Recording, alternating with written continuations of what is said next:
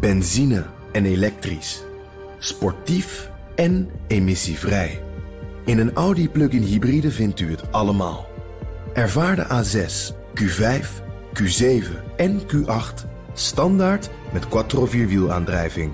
Wat u ook zoekt, u vindt het in een Audi. Audi. Voorsprong door techniek. Dit is een BNR podcast.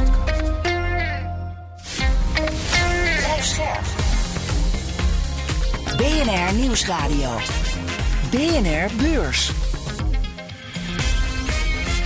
Jelle Maasbach. Welkom, goed dat je luistert. En je luistert naar een hele speciale, geen gewone BNR-beurs dit keer, maar een samenwerking. Twee podcasts slaan de handen in één. Een collab, een samenwerking. En dat omdat er volgend jaar een hele grote gebeurtenis plaatsvindt. Die gevolgen heeft voor beurs, economie en de inwoners van een groot land. Eentje waar ze het elke donderdag over hebben in deze.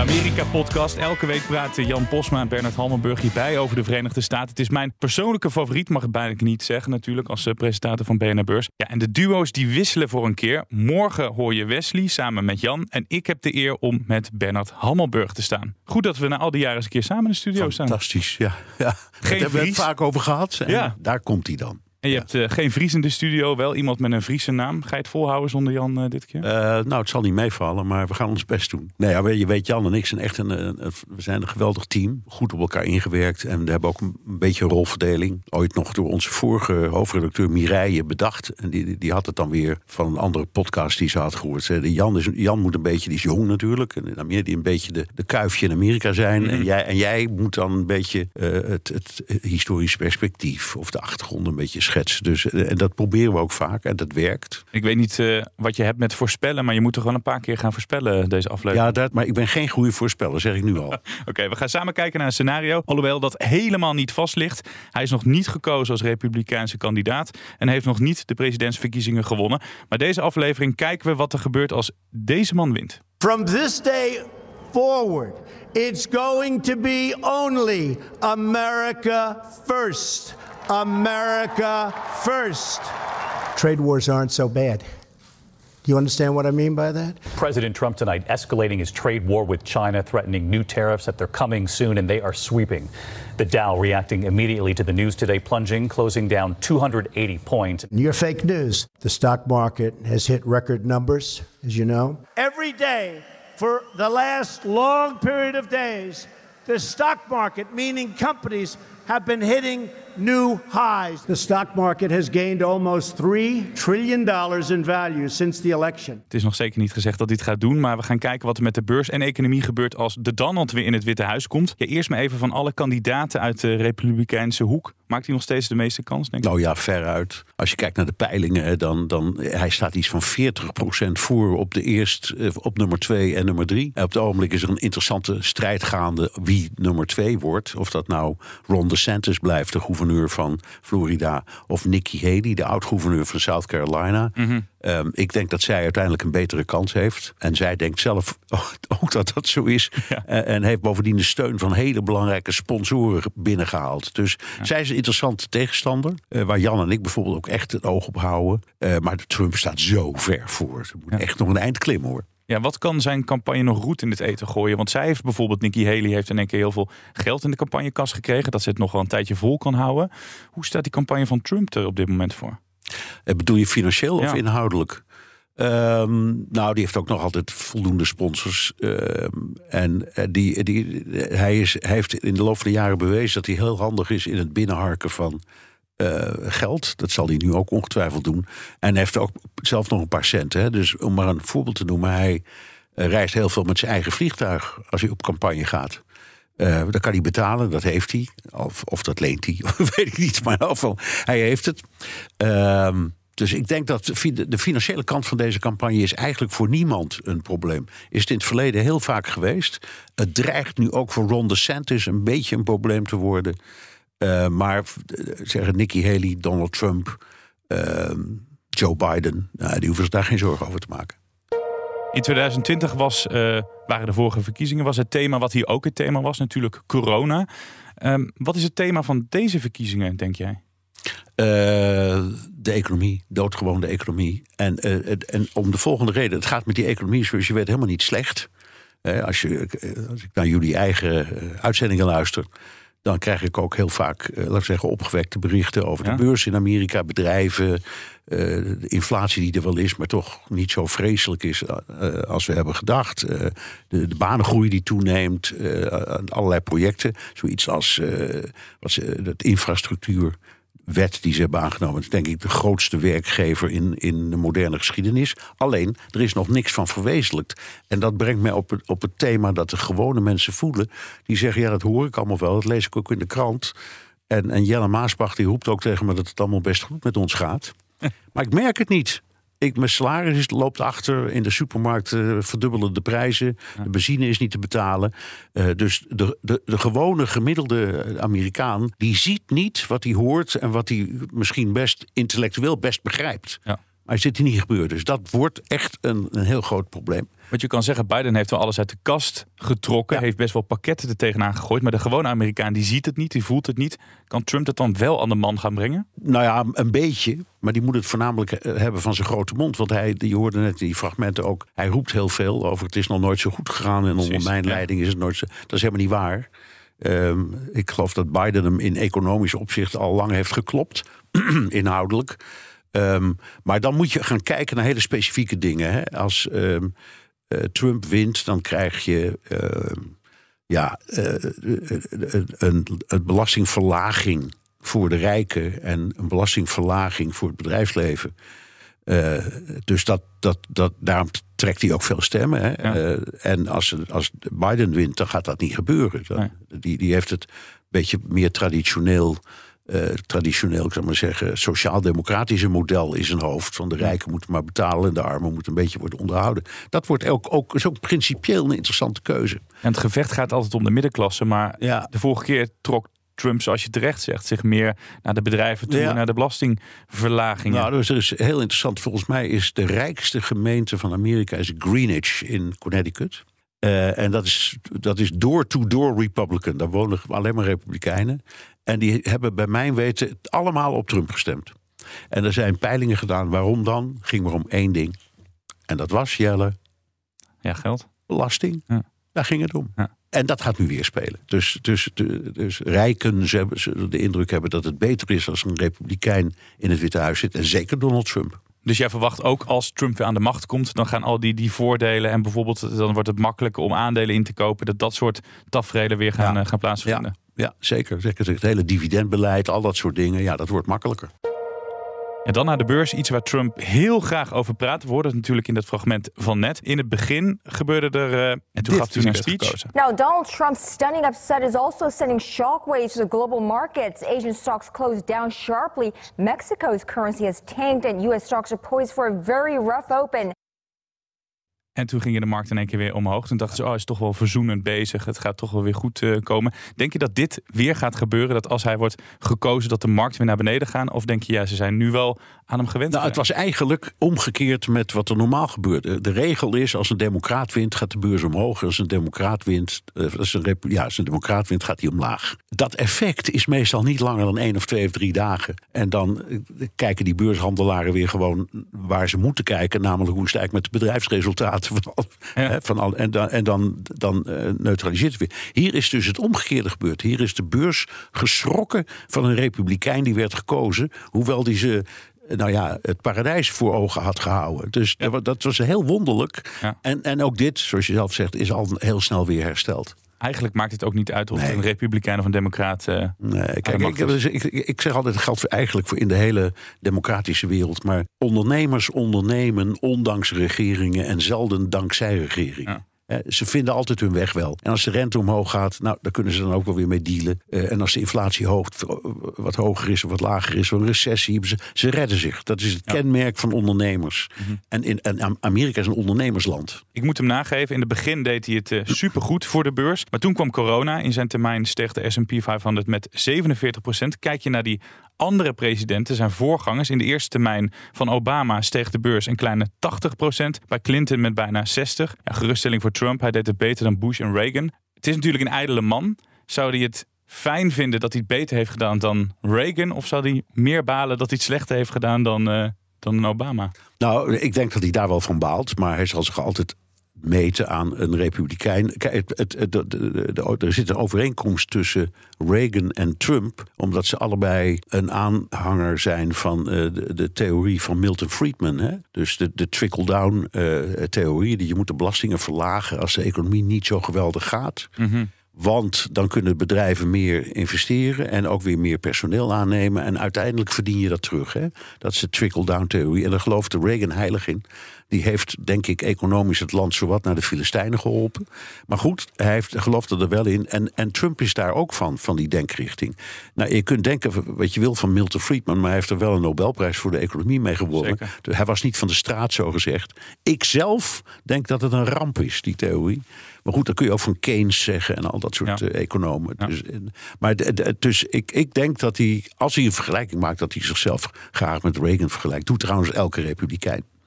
Ja, is altijd het grote voorbeeld. En ik denk natuurlijk ook, hij is heel blij dat hij uh, dan die tweede termijn erbij kan pakken om te laten zien dat hij de beurs weer ver kan gaan stijgen. Ja, en, en het, ik weet niet of je het goed of slecht nieuws moet noemen, maar ik noem het goed nieuws. Uh, hij heeft de afgelopen maanden besteed aan iets wat hij veel eerder had moeten doen. Namelijk het om zich heen verzamelen van mensen die verstand hebben van zaken. Wel allemaal van zijn denkrichting. Economische adviseurs, buitenlandadviseurs, defensieadviseurs. Allemaal mensen die in zijn richting denken, maar wel professionals. En dat had hij in zijn eerste termijn niet gedaan, omdat hij nog uh, anderen verwachtte dat hij zou winnen. Dus hij was helemaal niet voorbereid en heeft dus ongelooflijk geblunderd op al die terreinen. En uh, ik, ik zeg, ik beschouw het als goed nieuws. Als hij wint, dan is hij in afval voorzien van mensen die verstand hebben van zaken. Alleen, het is een politieke denkrichting die een heleboel mensen af zal schrikken. Nou, je komt gelijk bij mijn volgende punt. Van gaat hij goede mensen verzamelen? Ik was nog een fan van Gary Cohn, oud uh, Goldman Sachs. Dat was dus een economisch adviseur. Geweldige man, maar wilde zich op een gegeven moment niet meer inlaten met Trump. Trump had uh, bizarre uitspraken gedaan over rellen in Charlottesville volgens ja, mij. Ja, dat heeft heel veel kwaadbloedig gezet. Toen is hij opgestapt. Dat, dat, incident met inderdaad Charleston en andere kwesties, dat, daar zijn heel veel mensen van geschrokken, omdat waren vreselijke rellen, rassenrellen. En daarbij was zijn uitspraak dat ja, er waren van allebei de kanten goede en slechte mensen. Precies dat verhaal. En, dat, en, en, en eh, Biden heeft destijds gezegd, dat is de reden waarom ik ben gaan meedoen aan de verkiezingen. Dat kan toch niet waar zijn? Nee. Um, en hij heeft meer van dat soort uitspraken gedaan. En nu weer. Hè. Hij zegt, er is nu een campagne begonnen tegen uh, immigratie. Want dat vervuilt het bloed van de Amerikanen. Ja. Dat, dat is gewoon een neonatie. Of een, dat is een, een, een derde rijk uitspraak. Ja. Ja. Dus, dus nou ja, we weten wat, wat voor man het is. Precies, dus je wil ook iemand misschien daarna, of misschien zijn er helemaal geen mensen te vinden, maar je wil iemand ernaast hebben die hem wat kan normaliseren, laat ik het zo maar zeggen, en normaal kan laten doen. En bijvoorbeeld ook uh, wil zeggen, ga nou niet weer die handelsoorlog met China en versterken. Denk je dat we weer zoiets kunnen gaan verwachten? Dat zou, het, het, zou kunnen, omdat um, hij heeft ook een andere stijl. Hij wil ja-zeggers. Dat zegt hij ook. En hij wil ook loyaliteitsverklaringen van mensen die voor hem werken. Terwijl het traditionele Amerikaanse systeem zo is dat de, de president is in zijn eentje de uitvoerende macht. Dus er bestaan geen ministers, daarom noemen we ze ook secretaries. En die hebben geen eigen eh, verantwoordelijkheid tegenover het parlement. Alleen de president. En, en, en, normaal gaat het zo dat wanneer een president een beslissing ergens over moet nemen, dan haalt hij zijn adviseurs erbij. Die komen allemaal met een betoog, spreken elkaar vaak tegen, gaan in discussie. En op een bepaald moment zegt hij: Oké, dames en heren, dank. Jullie kunnen allemaal weg. Nu ga ik zelf beslissen. Dat is hoe het gebeurt. Bij Trump werkt het een beetje andersom. Die zegt: Ik heb een idee, dit wil ik doen. En die wil dan van die groep ja horen. Dat is in orde, doe maar. Dus ik moet zien hoe dat uitpakt. Uh, maar dat, daar is wel enige reden voor vrees. Want het tegenspreken van de uitvoerende macht is zinvol in een democratie. Ja. Over vrees gesproken, vreest Wall Street president Trump of gaan ze hem onthalen? Ik, ik denk dat ze hem onthalen, eerlijk gezegd. Ja, ik denk dat Wall Street wel tevreden is. Oké, okay, dan het eindoordeel. Is uh, Trump goed voor de wereldeconomie en voor de beurs? Uh, ja, ik denk dat Trump goed voor de wereldeconomie is en voor de beurs. Maar dat, dat de, de kloof tussen arm en rijk door hem enorm zal vergroten. wereldwijd. En dat is natuurlijk ook heel slecht nieuws. Het is al heel lang zo, hè, dat die, Ja. zeker in Amerika, dat die kloof zo groot is. En, en eh, ja, we hadden het over de mensen in Greenwich. Al die hele rijke republikeinen, die trekken ze er echt helemaal 0,0 van aan. Nee, die zitten lekker in de mansion. Hoe is dat? Ja, en je moet voorspellen. Wordt hij de nieuwe president? Sorry, ik ga het je toch vragen.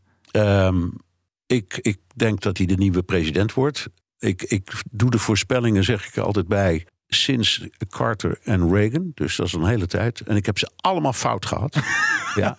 op, op, op twee na. De, de, de eerste was eh, Bush tegen Gore. Ja. Die had ik goed. En Trump tegen Hillary. Die had ik ook goed. Ja, was je wel een van de weinigen. Ik was een van de weinigen. Maar allemaal op de redactie, het man- Hillary. Die man wordt het. En dat, Ja, dat dat, ging vooral omdat ze zo'n verschrikkelijke afkeer hadden van Hillary. Dat hebben de mensen onderschat in de wereld hoe groot die afkeer was. Eh, dus ik doe wel weer een voorspelling. Maar ik zeg erbij, het goede nieuws, Jelle, is dat ik het meestal bij het verkeerde eind heb. Daar houden we ons dan maar aan vast. Dankjewel Bernard Halmelburg van de Amerika Podcast. En ook dank aan Jan dat ik met je compaan mocht staan. Morgen hoor je Jan Posma samen met Wesley Weerts. Dan hoor je wat er gebeurt als Joe Biden president wordt. BNR Beurs. Maar de presidentsverkiezing in de VS is niet het enige dat beleggers volgend jaar bezighoudt en de beurs in beweging kan zetten. Met een aantal experts, analisten die vaak aanschuiven in BNR Beurs, kijken we naar iets waar zij veel van verwachten. Dat kan iets positiefs zijn, maar ook iets waar ze een beetje voor vrezen. Jean-Paul van Oudheusden, de man achter Marketer Everywhere en marktanalist bij eToro. Jij wil het over iets heel origineels hebben. Ik heb het nog in één keer voorbij horen komen. De noordelijke zeeroute. Waarom? Ja, het ging om 2024. Wat is er nieuws waarop we moeten letten? Ja, je moet altijd een beetje buiten de gebaande paden kijken. Rusland zegt dat 2024 het eerste jaar gaat worden dat die noordelijke zeeroute, dus die loopt eigenlijk zeg maar tussen Shanghai en Rotterdam, maar dan bovenlangs, niet onderlangs, dat die 12 maanden per jaar toegankelijk is vanwege de ijsbrekers die Rusland inzet. En, en waarom is die route zo eh, bijzonder? Wat moet ik me bij die route voorstellen? Nou, wat je daarvoor voor moet stellen is dat het heel koud is. En eh, dat je moet uitkijken dat je met je schepen niet vast komt te zitten. Daar hebben ze sinds 2018 enorm in geïnvesteerd. Het heeft eh, twee effecten. Het originele effect was dat als je het vergelijkt met de route onderlangs, dus die we kennen en die onlangs ook nog heel actueel in het nieuws was door het Suezkanaal. Als je bovenlangs gaat, is dat ongeveer een derde korter. Dus het betekent veel minder eh, reistijd, maar dus ook lagere kosten. Ja, en daar komt nu ook bij eh, dat eh, een van de dingen die daar getransporteerd wordt, is dat LNG, dat vloeibare aardgas. Ja, dat ging eerst naar Europa, maar dat gaat nu eh, naar China toe. Daar liggen nog niet allemaal van die pijpleidingen. En daar kunnen ze die route natuurlijk ook goed voor gebruiken. En ze zijn er dus jaren mee bezig geweest om dat los te maken. Dat was helemaal vastgevroren, dat is nu los. Mag dan iedereen daar ook gebruik van maken? Is Nou ja, kijk, het fascinerende is dat jij ook zegt: ik heb er nog nooit van gehoord. Dit is echt een groot ding. Ja, want dit is gewoon voor, voor de hele handel gaat over grondstoffen. Siberië zit vol met grondstoffen. We hebben natuurlijk die hele geopolitieke situatie. Dus eh, dit is echt wel een heel eh, groot ding Ja. voor het komende jaar. Maar mag iedereen daar zomaar eh, gaan varen? Want je zegt Rusland heeft dat vastgemaakt. Rusland is niet meer met iedereen bevriend, laat ik het zo zeggen. Nou ja, kijk, daar zei, Amerika zegt natuurlijk meteen van ah, dat mag niet. Ja, nee, logisch, want dat is natuurlijk voor hun ook een soort concurrentie. Het gaat een beetje te ver voor nu, maar er zijn drie van die, van die zeeroutes. Lange tijd heeft iedereen gezegd van joh, eh, dat gaat helemaal niet lukken, want er is gewoon veel te veel ijs. Maar ja, door de hele klimaatverandering eh, zit daar toch wel verandering aan te komen. Dat zijn ook gerenommeerde instituten die dat eh, verwachten. En Rusland heeft daarin geïnvesteerd. Dus voor een deel is het zeker eh, onbetwistbaar dat het Russische wateren zijn. Maar ja, over die hele route kom je natuurlijk ook wel langs wat andere punten. Dus daar zal wel gesteggel over komen. Maar echt een ja, hele belangrijke en grote route waar we het inderdaad veel te weinig over hebben. Wat voor soort bedrijven gaan hiervan profiteren? Of zeg je nou elk Chinees bedrijf? Nee, kijk, dit is nu niet iets wat je nu meteen kan ver- vertalen naar je portefeuille. Dat je denkt, doe mij even een lijstje. Welke aandelen moet ik dan hebben? Eh, er zitten natuurlijk een aantal Russische bedrijven bij. Nou, daar hoeven we het hier niet eens over te hebben. Hè? Eh, dat gaan we allemaal niet zo snel eh, doen. Het is meer het besef dat grondstoffen vele malen belangrijker zijn. Wij zeggen hier ook, we willen graag eh, onafhankelijk zijn en eh, niet met dit soort landen.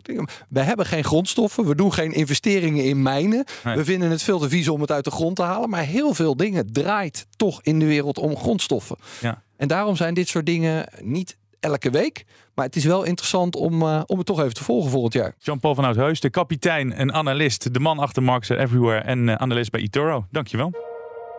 Een andere factor die de stemming onder beleggers kan bepalen is eh, AI, kunstmatige intelligentie. Tenminste, dat eh, denkt eh, Han Dieperink, CIO bij Aureus. Want dat wordt een hype, zegt hij. Ja, Han, was AI afgelopen jaar niet al een hype? Nou ja, het is eigenlijk al afgelopen tien jaar een hype. Als je kijkt naar de Magnificent Seven, zoals ze mooi heet. Dat heette vroeger heette het de FANG of de FAMG. Ja, dat is negen van de tien jaar doet het al beter dan de beurs. Dus het is al een lange opgaande beweging gaande. En kunstmatige intelligentie ook niet nieuw. Maar er is natuurlijk wel in dit jaar wat gebeurd. Wat ervoor zorgt dus dat het in de top of mind is in de bestuurskamers. Dat mensen er geld aan gaan committeren. En dat de investeringen richting kunstmatige intelligentie gaan versnellen. Alles wat met AI te maken heeft, dat doet het dus nu al goed. Maar jij zegt in 2024 kan daar gewoon nog een uh, schepje bovenop. Nou ja, ik bedoel, als je het 9 van de 10 jaar al eh, beter gedaan heeft aan de beurs, dan waarom dan het 11e jaar niet? Hè? Dat is dan de, de, grote vraag. De enige tijd dat het dus tegenviel was uh, eh, 2022. En je ziet eigenlijk dat de koers dit jaar een herstel hebben laten zien wat in 2022 gebeurd is. Als je kijkt naar de waardering van die zeven aandelen, zitten ze helemaal aan de onderkant van de bandbreedte van de afgelopen vijf jaar. Dat is niet typisch wat je ziet aan het einde van een hype. Hè. Stel dus dat de hype nu al ten einde zou zijn. Het is nog veel lager gewaardeerd dan bijvoorbeeld de, de Fabulous Four, de uh, Horseman in, uh, in 2000 of de Nifty 50 in uh, 1972. En het hangt natuurlijk veel af van de groei die ze laten zien. Maar deze vijf bedrijven, dat is het meest opmerkelijk eigenlijk gezien in omvang, hebben dit jaar een winstgroei laten zien van 70 Dus zeg maar de eerste 70% koersstijging zijn harder gestegen dit jaar. Ja, ze zijn helemaal niet duurder geworden. Dus uh, dat, is, dat is opmerkelijk. Dat is nog nooit vertoond in de geschiedenis. Dat zulke grote bedrijven zo hard kunnen groeien. En ja, ik denk als je kijkt naar uh, de ingrediënten die je nodig hebt voor een zeepbel of voor een echte hype. Ja, die zijn alle vier aanwezig. En ja, die zullen volgend jaar uh, waarschijnlijk toch toeslaan. En dan is het risico dus dat je weer opnieuw verrast wordt door de outperformance van dit soort bedrijven. Maar die zeepbel die kan dus wel degelijk gaan knappen, zeg jij? Nou, die zal uiteindelijk een keer knappen, dat is waar. Maar als je kijkt naar de huidige waarderingen, bijvoorbeeld kijk naar de koerswinstverhouding nu voor volgend jaar.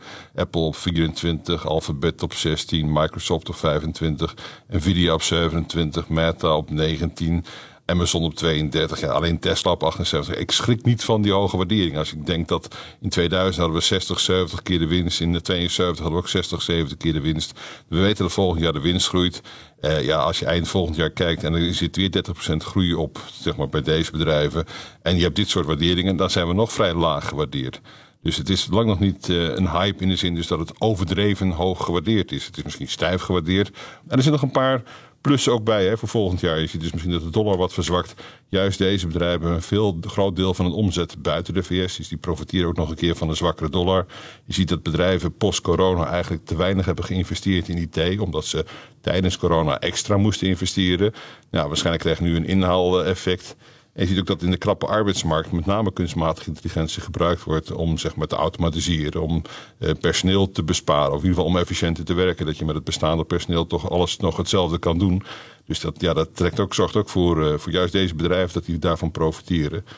En juist deze bedrijven ook, omdat als je kijkt naar de omvang, dan is het juist de grote bedrijven die extra profiteren, omdat kunstmatige intelligentie heel veel data vereist.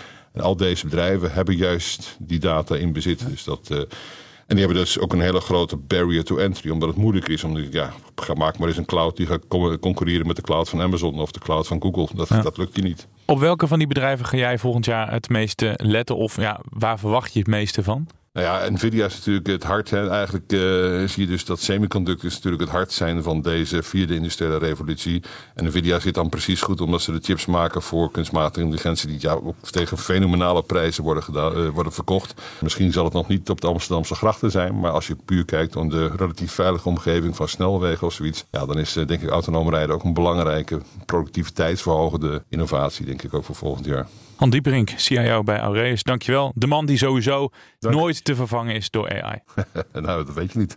Op de toekomst waarschijnlijk wel. maar lang weg. Ja, dit was hem dan echt de speciale aflevering van BNR Beurs.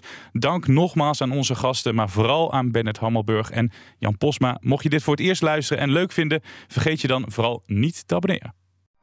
Benzine en elektrisch. Sportief en emissievrij. In een Audi plug-in hybride vindt u het allemaal.